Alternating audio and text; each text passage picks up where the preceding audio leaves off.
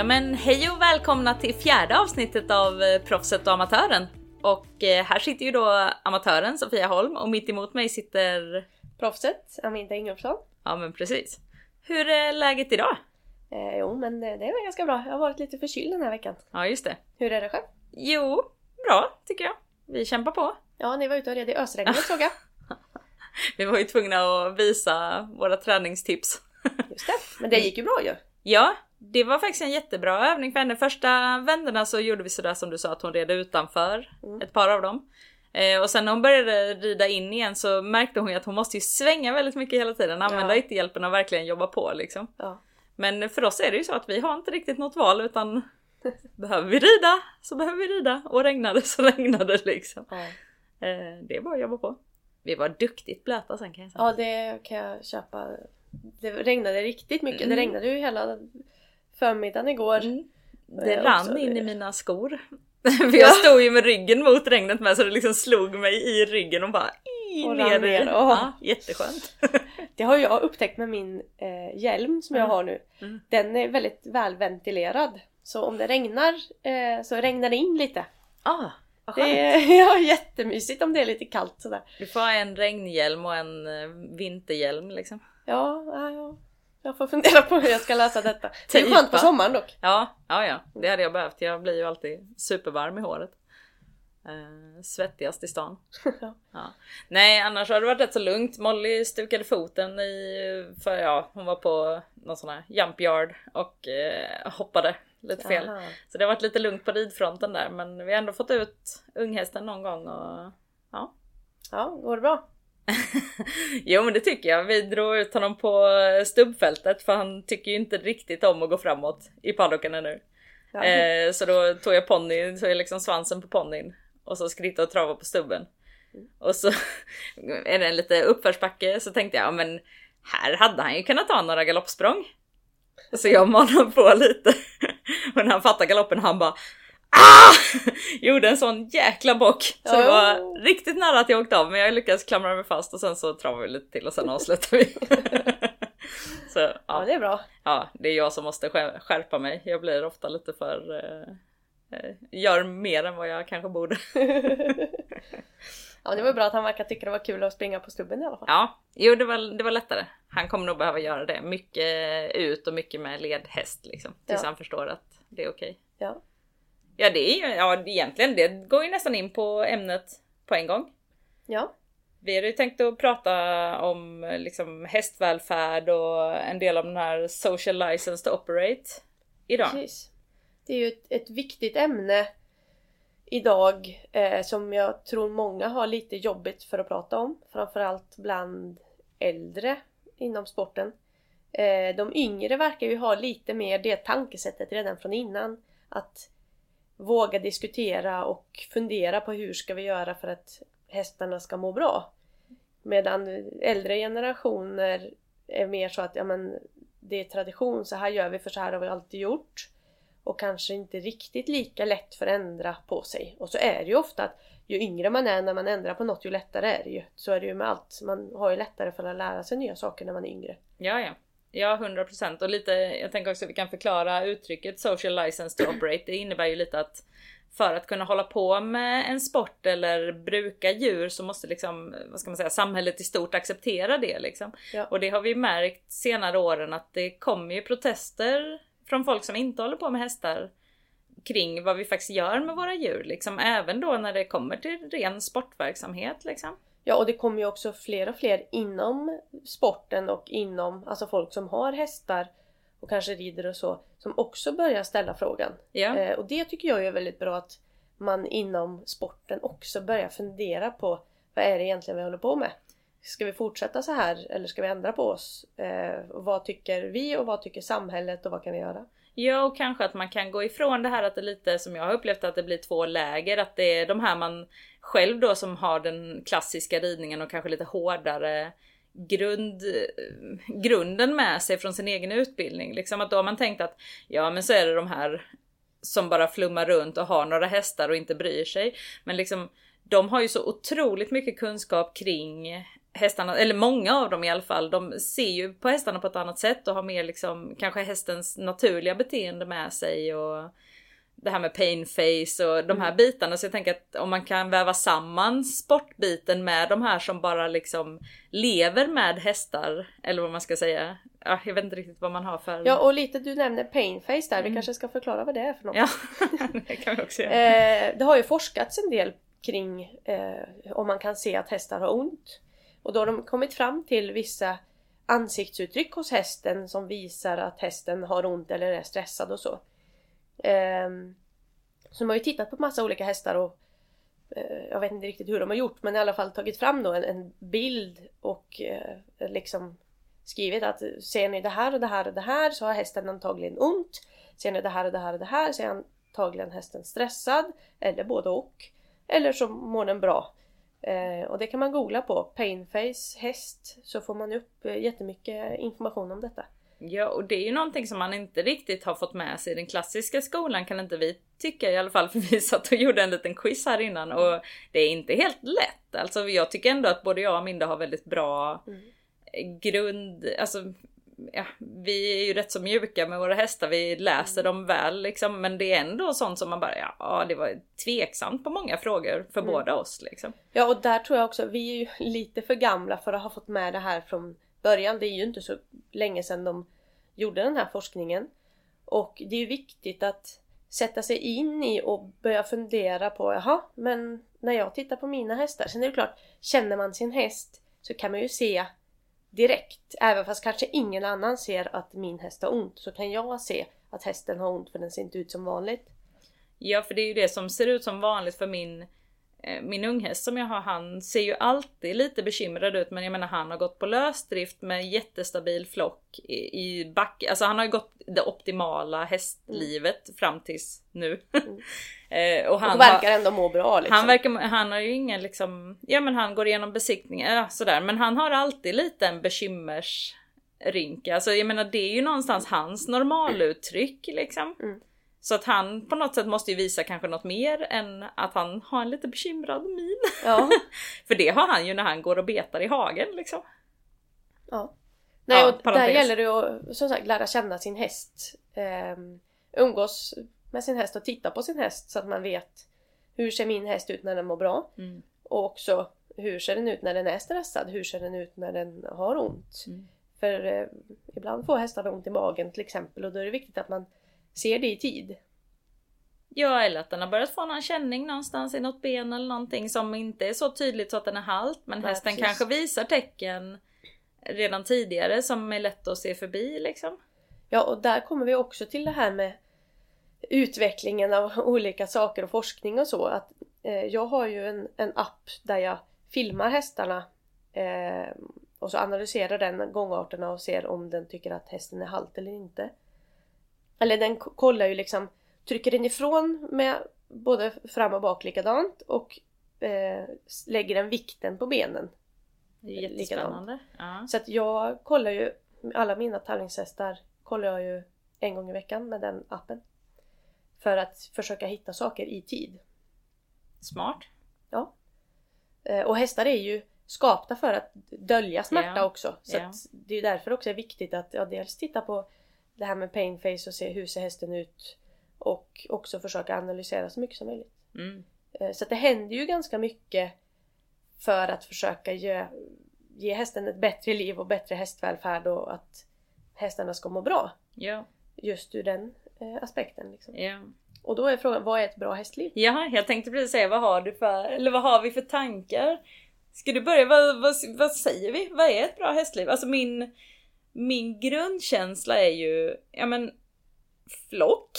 Mm. att de behöver umgås med andra hästar. Mm. Mycket rörelse, mycket tuggtid. Mm. Alltså ett socialt liv med mycket frihet. Mm. Ska de gå ute dygnet runt eller ska de vara inne på natten? Hade jag fått välja hade jag gärna haft stor ligghall. Mm. Eh, det är ju lite svårt att få till i de här krokarna av landet. Ja, vi bor ju lite fel ställe. Vi bor på lite fel ställe och jag har inte så mycket pengar så att jag kan köpa så mycket mark som jag hade behövt. Eh, men, men min optimala hade varit att ha stor ligghall och en välfungerande flock. Liksom. Ja och gärna då att du kan ha jag som har många hästar då, att man Mm. kan ha olika Ja. grupperingar Mm. som fungerar. Mm. Eh, för där märker man ju ofta hur olika hästar funkar olika bra ihop liksom. Ja, dels att de ska funka socialt och dels att de ska funka fetmamässigt. Ja precis! Nej men vi, de har ju så himla olika energibehov liksom så vissa Mm. blir ju superfeta av att gå på fri tillgång. ja, Och vissa, vissa kanske bara skulle tuggat liksom halmblandning. Medan vissa behöver lucern liksom. ja och någon kanske också är väldigt låg i rang och inte Ja. kommer fram till Mm. maten. Då måste man ju kanske ha mera Ja, mat, alltså Mm. olika ställen och då Mm. kanske den som är hög i rang och kanske lättfödd Ja. kanske går att äta på båda ställena. Men och då ska jag ju tillägga att just nu så har jag häst på box. Och jag har dessutom tagit min treåring från flocken för han har blivit totalt utmobbad och han är tuggad och sparkad varenda dag. Eh, så just nu går han eh, sen igår själv. Eh. Med bara hästar liksom med dubbellina så att han kan prata med dem nos mot nos liksom, men inte mer än så. Han kommer förhoppningsvis få sällskap igen men så jag menar Jag har ju just nu väldigt långt ifrån mitt optimala hästliv. Men, Men det är ju du- av ren Alltså jag har inget emot att hästar leker, busar, härjar. Men de här är rent, alltså de mobbar honom. De Mm. går på honom, sparkar honom, tvingar honom att stå i ett hörn hela dagen liksom. Ja och det där är ju, jag försöker ju också ha mina ihop om det går. Mm. Men det är ju som eh, slipsen till exempel då. Han gick ju ihop med en kompis ett tag. Mm. Men när jag behövde ringa veterinären gång nummer två för att de hade lekt för mycket. Mm. Då kände jag bara att nu är det slut på Mm. detta. Mm. Så jag har ju så att mina hästar går ju, eh, de flesta går själva. Eh, men så har de en tråd emellan. Ja så de har, de har sparkutrymme med frambenen, de fastnar Ja. inte om de skulle slå upp med ett framben. Liksom. Precis. Och då märker man väldigt ofta så står de ju faktiskt och kliar över den där tråden. Men du slipper skaderisken. Mm. Så de får social kontakt. Men de behöver inte ha sönder varandra. Nej alltså precis så kände jag igår när min häst då kunde stå och få prata med de andra fyra hästarna varav någon antagligen kommer bli hans framtida hagkompis. Så att Mm. han fick ju mer kontakt Mm. på den stunden än vad han har fått på flera veckor tillsammans med de andra två elaka, varav den ena är min egna ponny. Men eh, liksom, så där är ju, det är ju jättesvårt liksom. Och inte, det tar ju ofta lite tid upplever jag. Han kommer ju ny till detta stallet liksom. Det är Mm. svårt att veta vilka grupper som kommer fungera liksom. Mm.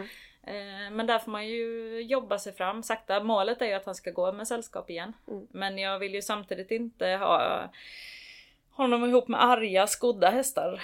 För jag vill Ja. inte ha ett ben av liksom. Nej, och där är det också svårt eftersom det inte är dina hästar och Mm. ditt stall. Precis. Så du kan ju inte bestämma heller. Nej. Nej, man är ju... Nej, precis. Och det är ju som jag har ju inackorderingsstall och då är det så. Ni får jättegärna ha hästar tillsammans men ni får komma överens er emellan. Mm. Vem, vilka som ska gå ihop.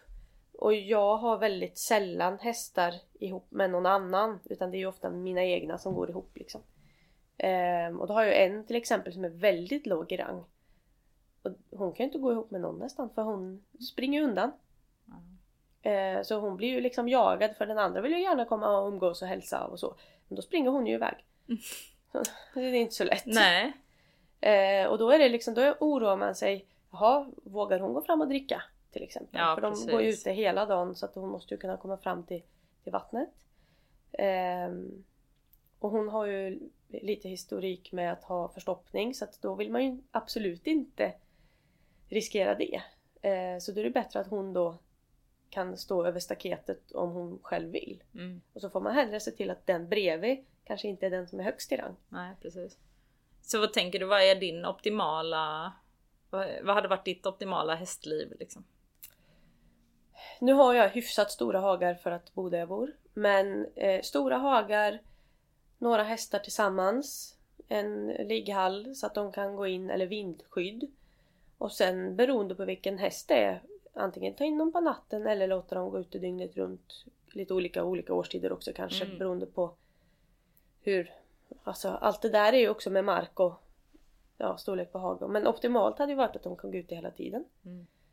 Ehm, men där, jag läste ju faktiskt, de hade ju forskat på De hade tittat på en flock islandshästar Mm. på Island Som hade gått ute, alltså nästan som vildhästar Tog de in dem och kollade förekomsten av magsår Mm. Och då var det ju ganska hög förekomst, jag kommer inte ihåg 70-80% Det var ganska många av dem som hade magsår. Mm. Och så tog de in dem på stall, hade dem uppstallade. Eh, ute på dagen, inne på natten antar jag. Kontrollerad fodring. Ja, en, jag vet inte om de gick en och en. Antar jag. jag. Jag minns inte riktigt. Men i alla fall.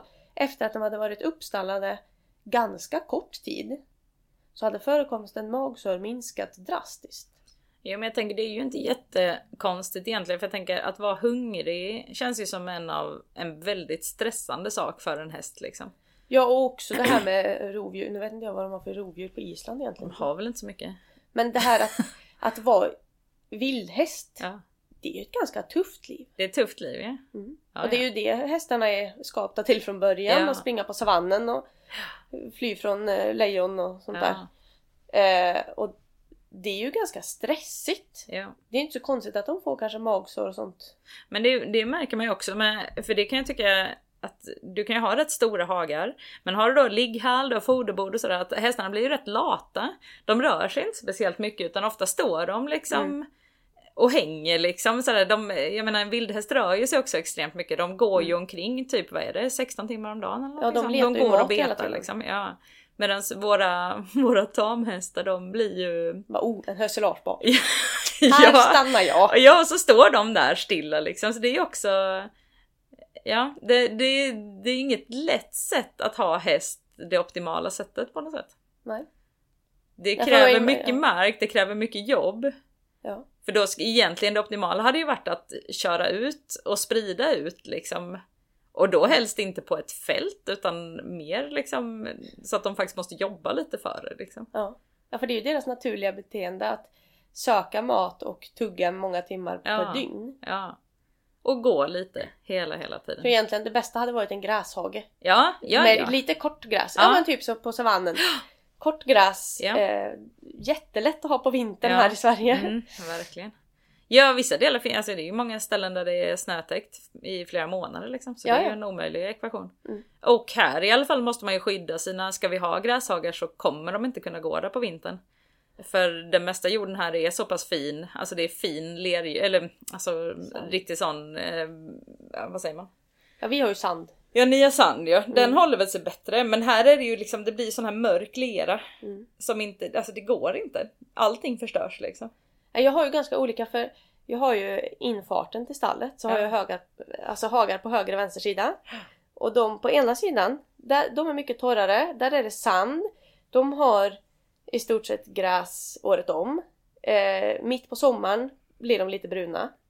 Andra sidan vägen, alltså nu pratar vi 5-7 meter. Andra sidan då, där är det lite blötare. De är jättegröna och fina på sommaren. Eh, ganska leriga på vintern om man jämför med andra sidan. Mm. Leriga, då kanske halva hovet går ner. Det är ju inte Mm. som i lera där hela benet sjunker ner. Nej. Det är ju tacksamt med sand att Ja. det rinner ju igenom. Men det är jättestor skillnad bara på de ja. alltså, metrarna. Nej, preppar vi inte våra då blir det ju nästan till knäna liksom.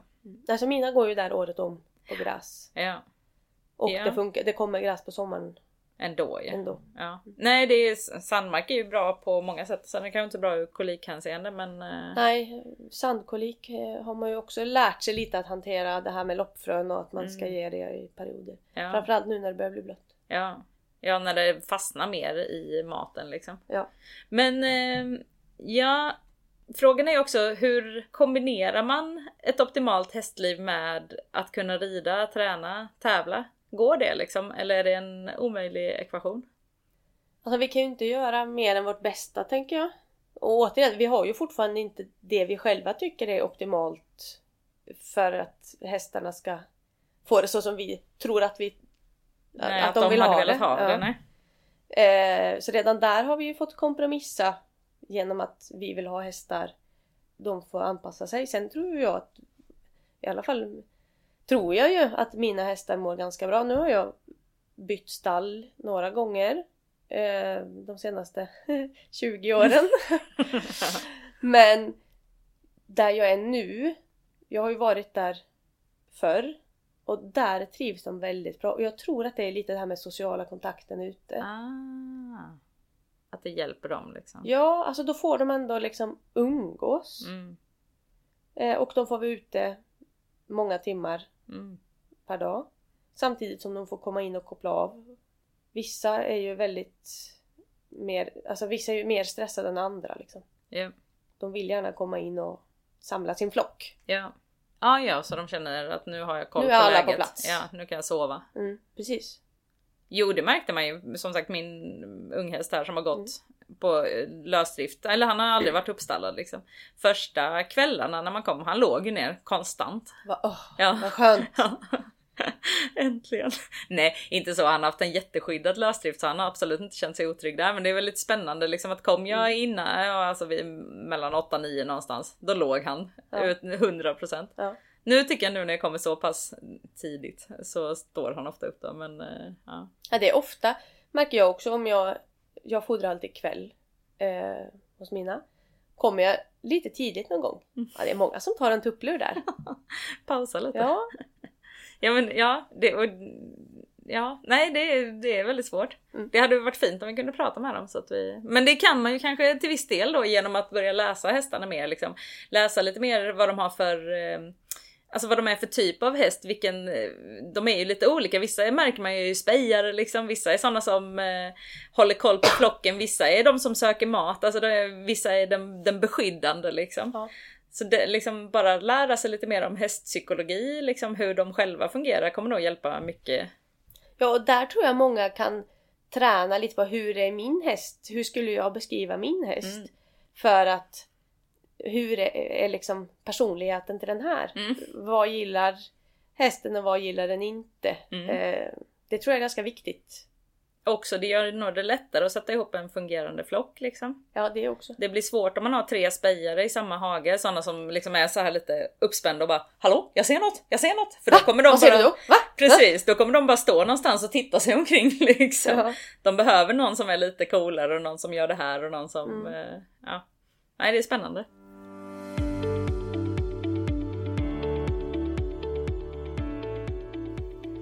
Ja, hur... ehm, du som har en unghäst nu, det här med inlärning. Ja. Hur gjorde du för tio år sedan och hur gör du idag och hur tror du du gör om tio år? Ja. Kommer det ändra sig något eller gör du likadant? Nej, det ändrar sig hela tiden. Jag skulle ändå säga att det ändrar sig från vecka till vecka till och med. Nej men verkligen. Nej, för tio år sedan var jag mycket hårdare.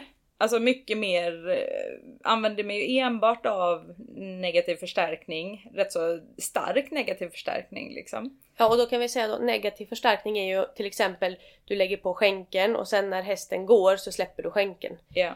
Eh, sen har vi positiv förstärkning, det är ju hästen gör någonting rätt och då får den en morot. Och ja men precis. Sen jobbar jag fortfarande inte med positiv förstärkning på det sättet. Men jag upplever som att förr var jag mycket mer liksom Det här är systemet, så här gör vi. Man använder mycket inspänningstyglar och liksom Jobbar man dem från marken då ska de antingen tömköras eller spännas in. Eh, när man börjar sitta upp då ska man hålla dem mycket och liksom så här mycket mer kontrollerat liksom. Redan för kanske 6-7 år sedan började jag bli lite inspirerad av Imon Hickey till exempel. Ja. Började jobba dem väldigt mycket från marken. Jag gör ju nästan allt mitt jobb ensam med två treåringarna, vilket ju är kanske jättekorkat enligt många. Inte ensam som att jag måste vara ensam i stallet utan ensam som att jag gör det själv. Jag vill kunna göra sakerna på egen hand liksom. Ja.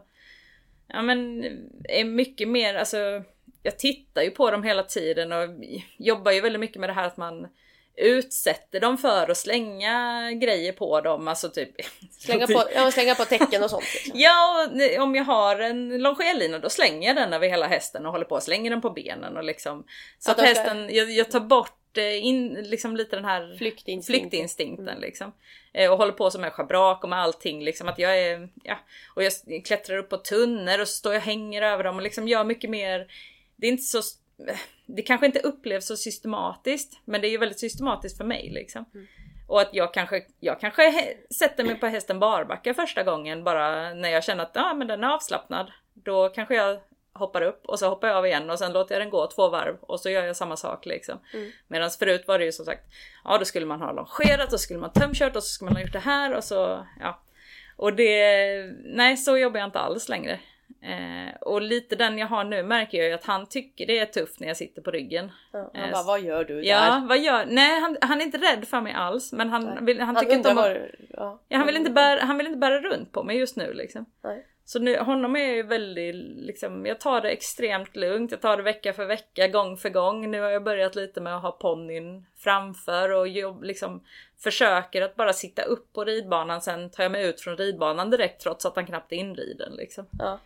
Eh, och ja, så att han ska komma på att det behöver inte vara så tokigt att ha dig där på för då Nej, kan man få rida ut och Ja. göra massa andra saker. Ja, och att jag tänker att framåt så hoppas jag ju att jag blir mycket duktigare på det här med att läsa hästen, kunna jobba ännu mer utan utrustning och sådär. Jag tycker det är väldigt trevligt liksom. Lära mig systemen som de här eh, sjukt duktiga eh, kvinnorna och männen har.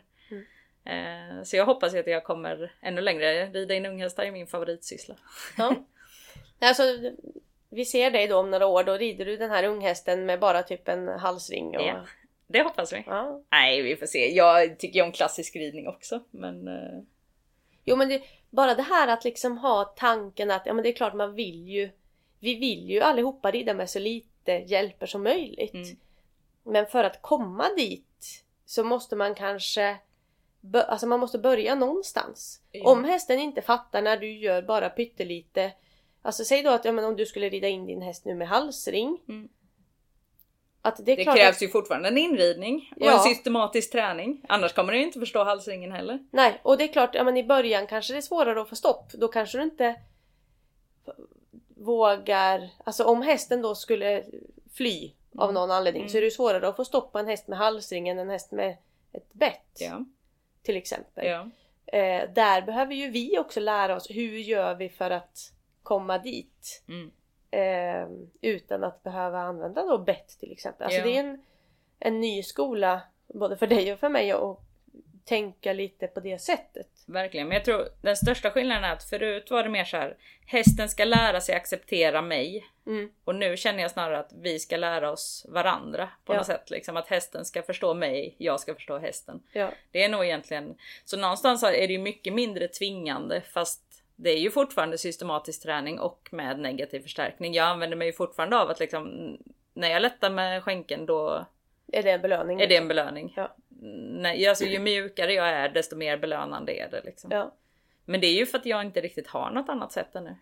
Nej, och där kommer vi också till att eh, man använder ju kanske mindre positiv bestraffning. Heter Ja. ju det då om du till exempel använder ett spö. Ja, Och ehm, då, ehm, det är ju mindre vanligt idag än vad det var för 10-20 år sedan. mm. Och jag har fortfarande väldigt mycket sån instinkt, liksom, den hästen jag har den är ju extremt stor också liksom, så att skulle han liksom gå på mig eller så då, då är jag ju verkligen så här, liksom, det har jag fortfarande väldigt mycket liksom att sådär, jag, jag sätter mig i respekt och det är också någonting jag hoppas jag kan plocka bort sen liksom att Men det är också, tittar du då på din flock i Mm. hagen. mm, Där är de ju också lite så att det är ju någon som bestämmer. ja, Någon måste bestämma. Och om du väljer då på dig och din häst, ja men det är ju bättre om du bestämmer. ja, För annars kan det ju bli farligt. ja, Och det är lite som om man säger då på din arbetsplats. Alltså du har en chef. Det är fortfarande chefen som bestämmer. Sen kan du vara en schysst chef. Den ska ju inte heller vara för snäll. För då blir det ju inget gjort. Eller då blir det ju ingen bra arbetsplats i slutändan. nej. Det ska ju vara en, en liksom tydlig och eh, alltså människa tydlig och eh, rättvis Mm, chef. mm, Och så kan ju vi kanske vara mot våra hästar också. Att vi måste, det är ju samma som du som då har barn, att man kan ju inte bara vara för snäll. Man måste ju ha vissa gränser. Eh, och där tror jag att det är viktigt att inte glömma bort att det är ju fortfarande bra om vi bestämmer för hästarna är stora djur liksom. Ja, eller det kanske inte egentligen handlar om bestämmande utan det handlar om tydlighet. Att när det blir, det pratade vi lite om tidigare själva, att eh, liksom det är snarare kanske att man frågar om fel sak på fel sätt. Ja. Och det är det som det är. Men är du tydlig och stark i, ja men det här, så här gör vi och jag har lärt dig hur vi ska göra. Det blir ju någonstans, det känns ju lite auktoritärt men det är ju mer att man efterfrågar rätt sak vid rätt tillfälle. Ja, Eller, förstår du vad jag menar? ja. Jo men precis, och lite så att, ja men Du ska inte springa över mig. Nej. Alltså om du är tydlig och alltså, du behöver ju inte ens röra vid hästen. Nej. Det räcker ju med att du kanske hoppar, Ja, hoppar till ja. och så säger hästen oj, ja Precis. förlåt jag ska inte Ja. springa över dig. Nej. Men första gångerna kanske inte hästen är lika uppmärksam. Men sen efterhand så kanske den blir mer uppmärksam på vad du gör och anpassar sig efter dina signaler. Ja, någonstans att liksom en häst som kanske är lite strulig och sko eller någonting. Det är ju oftast inte, oftast så löser man ju inte det genom att slå den med eh, verktyget i magen liksom. Nej, Utan precis. då är det ju någonting som gör att den, alltså då är det ju någonting mer man behöver lära den på något sätt. Eller en häst som är strulig och lasta. Det är Ja. oftast inte för att den är dum eller för att den inte vill eller för att den inte, det är för att den inte förstår. Du har inte ställt frågan rätt eller lärt den ordentligt liksom. Nej precis. Och det är ju en jätteviktig skillnad att förstå att hästarna gör ju sällan dumma saker för att vara dumma. Eller sånt Nej, som de- vi de- upplever som dumma saker. Det gör ju Ja, inte de precis. för att vara taskiga eller för att de inte... Ja, De har ju inte komplicerade hjärnor nog för att kunna vara taskiga och dumma. nej. Däremot kan de ju, alltså de har ju också sina personligheter och sitt sätt att vara på. Ja. Men det är ju inte så att de är smarta nog att nej, idag eh, vill jag inte vara snäll mot Sofia utan idag vill jag gå i hagen istället. Så att idag ska jag Tjura lägga mig ner och rulla med henne på. Alltså de kan ju inte tänka så komplicerat. Nej. Nej, så är det ju verkligen. Eh, men om vi då drar det här till ridningen till exempel. Ja men säg då att du har en häst som... Ja men säg då din unghäst nu. Säg då att den inte vill hoppa sen. Mm. Ska man tvinga den till att hoppa eller vad, hur gör man då liksom? Nej, jag hade ju inte gjort det. Alltså jag känner ju lite att nu ser jag ju det som en process. Han förstår inte vad som... Ja, just det. Han är inte dum för att han inte går fram. Nej. Utan det är för att han förstår inte vad jag vill, han förstår inte varför. Han förstår inte att det är roligt liksom. Nej. Och då kan jag skämmas lite för att då är det ju någonstans, då är det med systematisk träning som jag ser till att han lär sig och tycker att det här är kul liksom. Ja. Men när man väl har kommit över den spärren då känner jag mer att man kan liksom lämna det till hästen. Att gör jag då en bra introduktion, jag kanske jobbar med terränghinder och bommar och så från marken mycket först så att han är trygg med de bitarna. Sen om han skulle hata det när jag rider, nej men då kommer jag inte låta honom bli hopphäst. Då får han ju, vill inte jag ha kvar honom då, då får väl någon annan ha roligt med honom. Ja. På något annat sätt. Ja, Jag har ju också sålt en, en egen uppfödning som men han ville inte gå fälttävlan. Han tyckte det var jätteläskigt. Han tyckte att nej, så fort vill jag inte springa och hoppa hinder samtidigt. Nej, men då är det ju inte kanske hästen jag ska ha. För det är ju det jag vill göra. Mm. Eh, och då sålde jag honom till en tjej som ju, alltså där får han ju vara nummer ett i stallet istället. Och det är ju mycket roligare för honom och Mm. för henne. Att få ha glädjen av, av honom. Och hon tyckte att han var ju väl uppfostrad och sådär och jag tyckte att åh, han är ju bara jobbig för han Han var ju en lite sådär Om man pratar personlighet. Han ville ju gärna ha ansiktet i ansiktet på en. Eh, och man bara, men måste du vara så närgången? Han bara, men åh jag vill vara här! eh, och ja Spänd och lite så här tyckte inte om kanske att rida ut så mycket och sådär. Speciellt inte där jag bor med mycket bilar och grejer och hundar och allt vad det nu är. Jag tror att han trivs bättre liksom lite, skogshäst. Ja, lite skogshäst. Kanske rida ett varv runt en åker utan att det är så mycket farligt. Det passar honom mycket bättre. Ehm, så att, ja men då fick han ju kanske flytta dit istället då. Ja, alltså jag kan ju säga, jag hade ju aldrig jag hade ju aldrig ridit terräng på en häst som jag märker inte riktigt vill det. Nej, inte jag heller. det för det första hade det blivit farligt för mig själv, för det andra hade det blivit farligt för hästen. Och för det tredje varför? Ja, det är ju inte lika roligt. Nej. Alltså det, det där är ju lite roligt när man tar ut hästar på terrängbanan för första gången. Att och de kommer ut och de, oh, här var det mycket farligt att titta på. Åh, stockar och bord och allt vad det nu är. Ja. Och sen liksom rider man runt ett tag och sen börjar man hoppa och de bara Det Aha, här var kul! det var det här vi skulle göra. Det här var ju jätteroligt. Och får du inte den reaktionen, ja men då kanske man provar en gång till. Ja, Och är det fortfarande så att nej, jag vill inte det här. Nej, men då kanske du ska göra någonting ja annat. då är inte Då- detta för dig. nej. liksom. Utan alla ska ju hitta sin grej. Ja, och likväl så känns det ju som att det finns hästar som blir rent deprimerade. Vissa, vissa trivs jättebra med att bara gå i manege. Det finns ju faktiskt till och med de som Mm.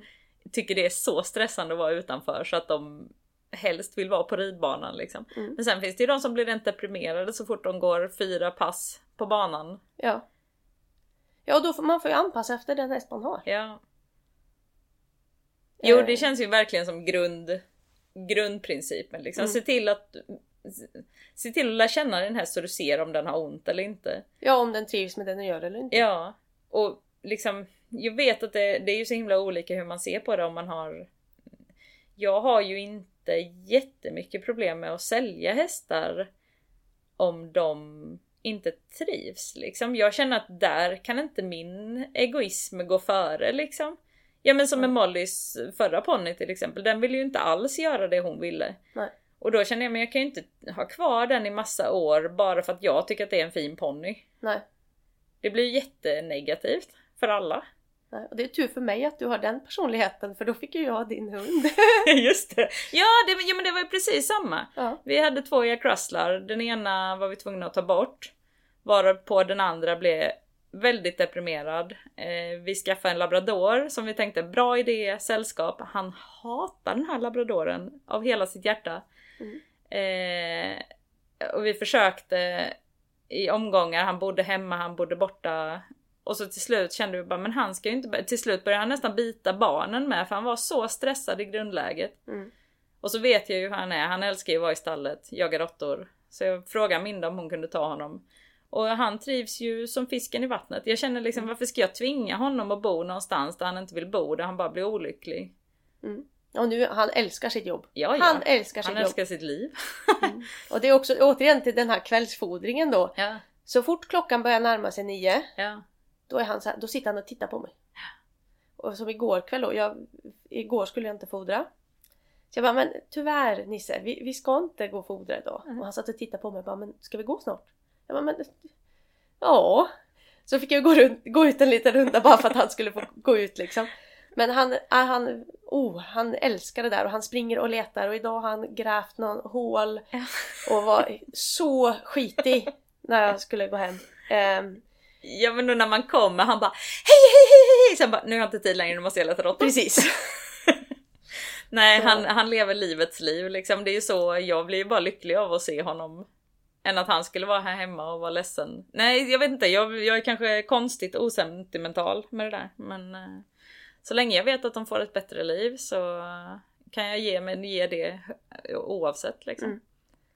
Ja men som sagt, skulle jag se att den här hästen jag har nu inte, han trivs inte med att bli riden. Nej, då får det ju vara så. Då får man hitta på något annat. Det finns ju mycket annat man kan göra också. Ja ja. Eh, han, han kanske hade trivts bättre som körhäst, ja. det vet man ju inte. Nej det vet man inte. Eh, man kanske kan alltså, prova något annat. Ja. Eh, om man nu inte vill eh, Till exempel om man nu efterhand då tycker att ja, ja men rida går bra men hoppa vill jag inte. Mm. Ja, men det finns ju VI och det finns Ja, ja. dressyr och Ja, det ja. finns ju allt möjligt. Hundra saker man kan hitta på. Mm.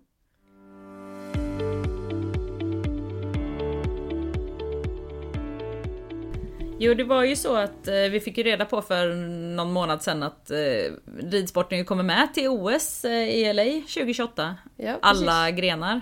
Eh, och det har ju varit lite ett orosmoment för att eh, vi vet ju att i den här moderna femkampen så blev ju eh, ridningen struken.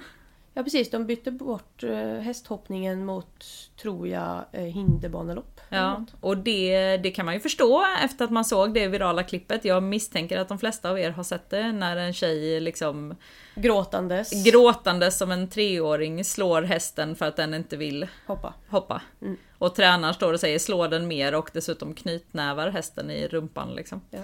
Eh, Och det ska ju också nämnas att de här eh, människorna lånar ju hästar. ja, Eh, så att de har ju inte med sig sina egna. nej. Så att det är ju lite slumpen vilken häst de får. Ja. Eh, sen är de, tror jag, två stycken som rider samma häst. Och den här hästen fattar jag det som hade även stannat med den tidigare ryttaren. Ja, Men den här tjejen ledde ju hela OS. Men det är ju där det blir, jag menar det blir totalfel. Ja. Sporten kan aldrig gå före hästen. Någonsin. Och pe- liksom, då var ju alla, det hade kunnat bli så att flera hästgrenar hade strukits på grund av detta. Ja. Eh, och det är ju det är en jättestor och jätteviktig sak att ta med oss, att vi lever på lite lånad tid. Vi får fan se till att Skärpa oss skärpa oss, utveckla oss. utveckla oss, tänka efter, ta till oss från alla delar av sporten, inte bara toppsporten liksom, utan Nej. även de som bara hanterar hästar på ett bra sätt. Liksom. Ja. Ehm, för, ja vad sa du om att låta sina barn ha detta som... Ja, alltså frågan är hur länge ridsporten finns kvar. Ja, men om man, ska man rekommendera sina barn att jobba inom eh, hästyrken eller ska man försöka få dem in på något annat spår? För frågan är om yrket finns kvar. Det finns inga garantier för. Saken är om vi försvinner ur OS då är det mycket, mycket ekonomiska medel som försvinner.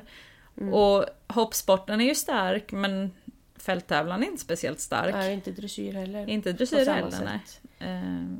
Sen är det klart, de andra ridsportgrenarna eh, finns ju kvar trots att de inte har ett OS. Men jag tror att både dressyren och fälttävlan hade nog krympt en mm. del om OS försvann. Jo, det finns ju en risk.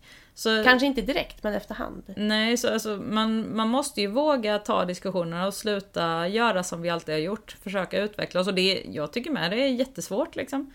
Men någonstans i grunden handlar det ju om att förstå att vi tränar hästarna systematiskt från det att de är, ja, ofta två, två och ett halvt år gamla.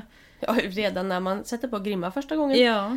Alltså vi lär ju dem allt de vet på något sätt i den värld, liksom ändå konstlade världen vi skapar för dem. Liksom. Mm. De flesta hästar som går fritt och som hade haft de förutsättningar som vi pratade om i början, de hade ju valt det livet före det vi gör mm. med dem. Liksom. Sen är det klart att det är inte många hästar som hade valt att stå stilla i en box och sen stilla i en grushage. Då tycker de ju såklart att det är väldigt mycket roligare att ut och rida också. Liksom. Ja, och faktiskt aktivera sig, ja. göra något. Det är ju som människor, alltså en människa som eh, ligger på soffan hela dagen och inte har något syfte med livet. Det är ju inte heller något roligt liv. Man gillar ju att ha någonting att gå till, att ha någonting att göra. Eh, för att sysselsätta sig. Mm. Eh, och det är ju samma med hästarna också. De är ju skapta för att vandra. Ja. Och då gillar de ju att jobba. Ja, ja jag tänker med att Alltså jag vet ju att i princip alla försöker ju verkligen så gott de kan och de flesta som, om det blir fel eller man är för hårdhänt eller så, det är ju inte för att man vill skada djuret. Antingen handlar det om att man inte riktigt har kommit så långt just då eller att man känner sig frustrerad och så liksom. Men det finns så mycket man kan jobba med hos sig själv. Ja och framförallt det här om man tänker på barn och unga att de vet ju ofta inte bättre. De måste också få en chans att lära sig. Eh, sen är det klart att det är ju våran uppgift då som står och tittar på och ser till att hästarna inte far illa. Men vi är faktiskt mänskliga också. Man, man ska inte liksom hänga ut folk för att de gör någonting en gång. Sen är det klart, det finns alltid rötägg ja, även inom ja, ridsporten. Ja. Det vet vi ju. Det kommer alltid upp historier om folk som har misshandlat hästar och misskött dem och sånt där. Och där måste vi bara fortsätta reagera varenda gång liksom. Och det är ju lite, ja men tittar man på människor då. Mm. Eh, det finns ju de som slår på sina närstående också. Och det är ju inte okej okay det heller. Nej. Precis som att vi inte ska slå på våra hästar. Nej. Men de finns. Och det, återigen, det gäller ju att man ska bara reagera. Ja. Så fort man upptäcker sånt. Ja, och vi får ju bättre och bättre lagstiftning och folk blir ju avstängda nu. Var det senast var det de här elsporrarna. Ja, Han blev avstängd i vadå? Fyra år eller någonting sånt? Det var ju någon travmänniska också som hade blivit avstängd för han hade på livstid. För att han hade fått någon djurförbud eller djurmisshandeldom eller något. Plötsligt, det han har utbildat sig till, till liksom hans yrke. Han mm. bara, nej du får inte göra det med. Nej, nej och det är, ju, det är ju rätt. Precis. Det är ju rätt. Alltså vi måste Sen ju... vet inte jag i detta fallet hur illa det var. Nej. Om det var en engångsföreteelse så är det ju lite sorgligt. Ja. Men om det var systematiskt misshandel, mm. då är det ju helt rätt. Ja, ja. Och där ska man ju också kanske inte vara för snabba och döma människor innan man vet mer. Nej. Eh, för det tycker jag är lätt på typ sociala medier och sånt att Åh, människan borde hängas. Det blir sån cancel-kultur. Ja, liksom. alltså bara för att man har gjort något misstag eller någon säger att någon har gjort ett misstag mm. så ska man eh, hänga ut den människan och göra allt hemskt med den. Men man vet ofta inte hela historien. Nej. Sen är det klart, många gånger är det säkert så att den har gjort det som står. Men i enstaka fall kanske det inte faktiskt är så farligt. Nej. För att det är en engångsföreteelse. Och människor gör fel. Ja. Människan måste också få lov att försöka göra rätt sen. Ja, ja. Ehm, så jag tycker det är lite viktigt där att också låta folk få en chans att utveckla sig. Ja precis, för återigen, det känns ju som att de... Vi älskar ju våra hästar. Ja, det är därför vi håller på med Det det, är här. Eller det är därför jag håller med på det. i alla fall. Ja, ja, ja, jag med. Det finns ju ingen anledning annars att vara ute i smuts och regn och slänga pengar i munnen på dem.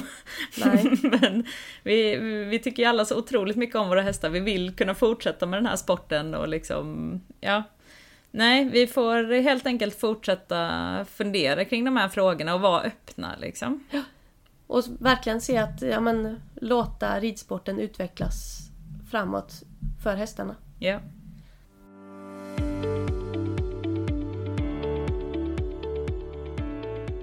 Ja, händer det något roligt i veckan? Nej, det är faktiskt rätt lugnt. Min man är på utbildning hela veckan så vi, jag ska bara kämpa för att få ihop eh, stall och barn och allting utan honom hemma. så jag är glad om vi får ridet någonting. Men eh, lite ska vi nog lösa. Så Ja. väldigt lugnt. Eh, själv? Jo men det är lite elever, det är några som ska träna dressyr. Jag ska ehm, på söndag så ska jag ha sista omgången i ryttarutveckling nivå 2 som jag har haft glädjen av att ha fälttävlansgänget. Så vi har faktiskt ska vara inomhus och ha lite teknikträning inomhus och lite teori. Kul! Sen har de haft en termin med mig. Lyckades du kolla något på Roffe? Ja, förra veckan var ju Rolf-Göran Bengtsson på Flyinge. Hade ju, jag trodde att det var unghästträning. Eh, men tydligen var det inte bara unghästar för när jag och min eh, personal där satte oss på läktaren och så började de presentera hästarna. Så bara, ja, här har vi den och den, den har gått 1,50. Ja, så den och den, den har gått 1,50. Ja, och sen kommer Jens så han rider på Markans Kosmopolit. Och vi bara, okej det var ingen unghästklass. det var verkligen eh, proffsen. Så Ja, ja. den sämsta i den gruppen hade gått 1,50. Ja men det var fint också för jag såg bara lite klipp som var Maria Gretze som Ja. la ut på Instagram. Bara det är travbommar, det är galoppövningar, det är liksom... Ja och de typ travade bommar och så var det skänkelvikning bort till Ja. nya bommar. Ja, Eh, och det här var ju bara marka, alltså bommar och cavaletti ja. eh, grupp. Och sen, då gick vi ju dit dagen efter. Då hoppade de ju lite hinder också. Så då såg vi samma grupp igen. Och där var det ju en häst som jag kände, den där vill jag ha. Mm, kollade jag lite, jaha vilken häst var det då? Ja den har gått 1,50. Gått Nations Cup för Sverige. Så jag kände bara att, äh, Jag vill kanske inte ha den så. Jo, jag kanske vill Nej, ha den skojar men så mycket pengar har inte jag. Så det var lite synd. Och den var redan 13 eller 14. Nej men sponsor.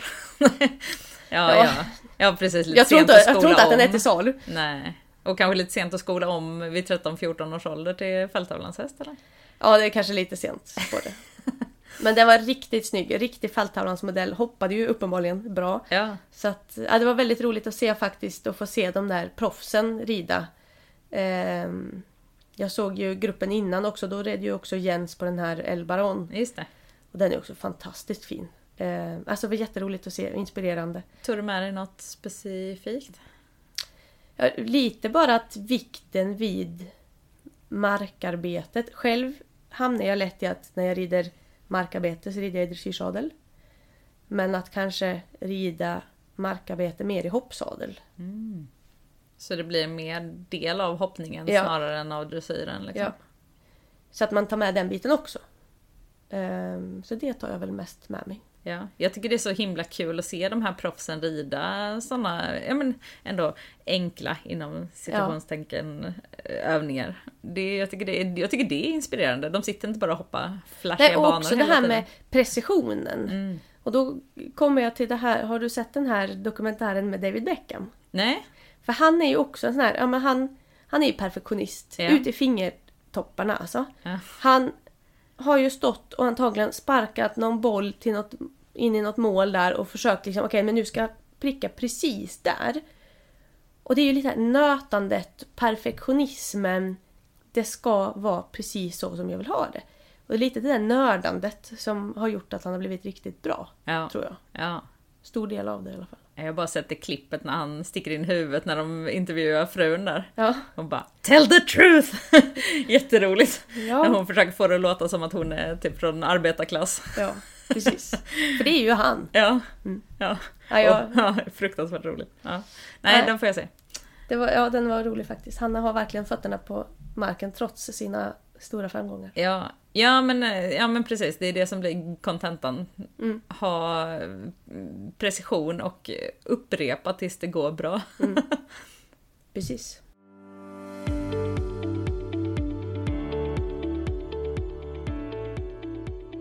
Ja men du, vi måste ju också ta en, eh, presentera en häst. Just det. Ehm, Vem är jag- veckans häst? Eh, Den här veckan har vi Panna Cotta. Mm. Panna Cotta är född i Halland, eh, Falkenberg, hos Thomas Andersson, står som ägare och uppfödare. Och eh, jag har ju kontakt med då frun, Aja Blomberg Andersson. De bor där uppe och hade, tror jag, kor. Ehm, och då seminstation och avel. De har fått upp en del dressyrhästar. Och eh, Panna Cotta då var hos några kompisar till mig. För att bli dressyrhäst.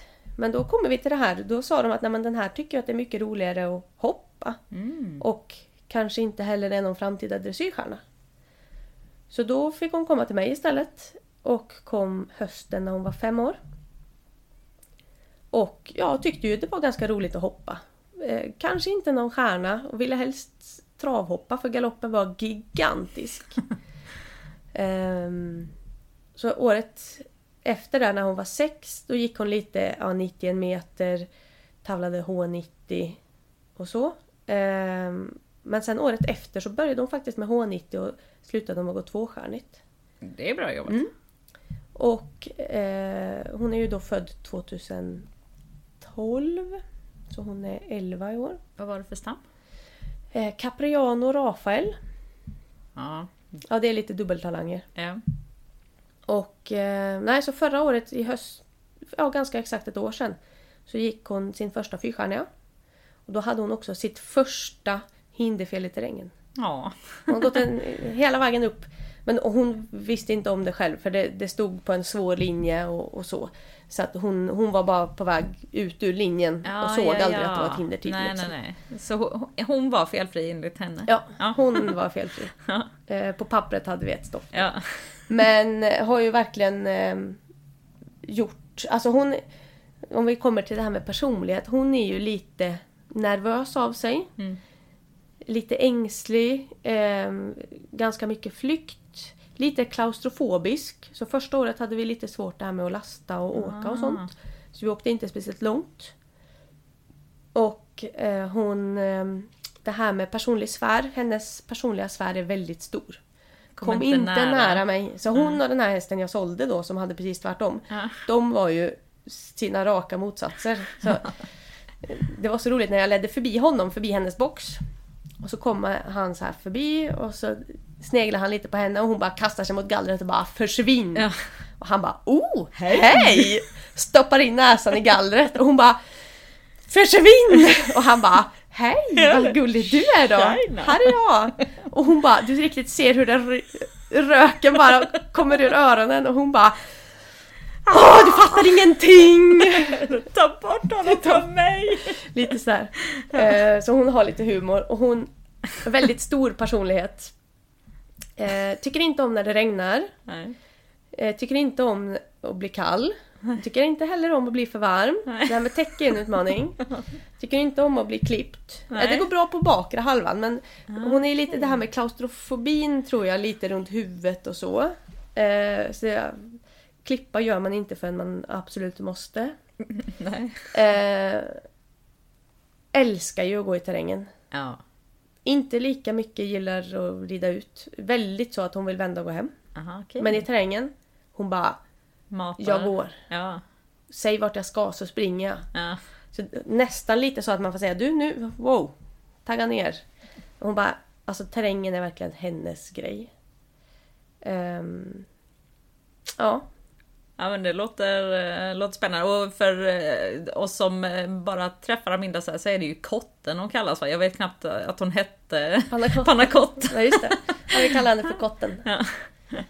Väldigt eh, flott. Du har ju tre liksom bruna, stora, flotta hästar. Hon är en av dem. Ja, tre, alla mina fyrstjärniga hästar är typ bruna utan tecken. Ja, och är det så här 1,70-ish? Ja. Ja.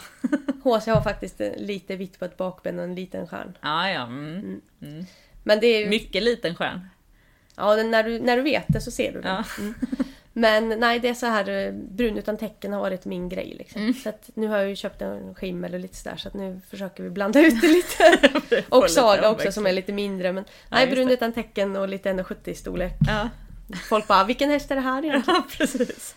Eh, och sen är det ju så, man formar ju också sina hästar. Om jag tittar på en film när jag till exempel rider terräng. Då måste jag ju ofta titta lite innan jag ser vilken häst det är.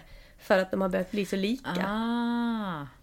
Framförallt ja. om de bara galopperar. Mm. Eh, kotten och HC ser ganska lika ut Ja, med första ögonblicken. Liksom. det tänkte jag att det ska vi gå in på i något ytterligare avsnitt. Jag fick en eh, lyssnarfråga eh, om det här att om vi kunde prata lite om nervösa hästar och liksom när hästarna är de som har mest nervositet. Liksom. Ja. Och det, apropå det här med att man formar sina hästar. Ja. Ja, det ska bli också ett spännande avsnitt framåt. Mm. Eh, Så det tar vi längre fram. ja. Men, Nej, så det kom, vi lägger ut där lite bilder och kanske någon film på kotten. Ja, precis. Eh, ja, och som vanligt så vi tar jättegärna emot förslag och frågor eller om det är något ni stör er på eller eller jo, jo säg det om Ja, det säg det Nej, jag. Vi vill veta allt. Vi vill veta allt ja. Eh, och det är ju på Instagram till exempel, eh, proffset och amatören. Eller på mail. Proffset och amatören at gmail.com. Ja, precis. Så kontakta oss gärna för vi vill gärna veta vad ni tycker. Ja. Och vi hörs igen, ja för vi har inte så mycket mer nu, eller hur? Nej. Nej. Så vi hörs igen nästa vecka helt enkelt. Ja, Hej då! hej då!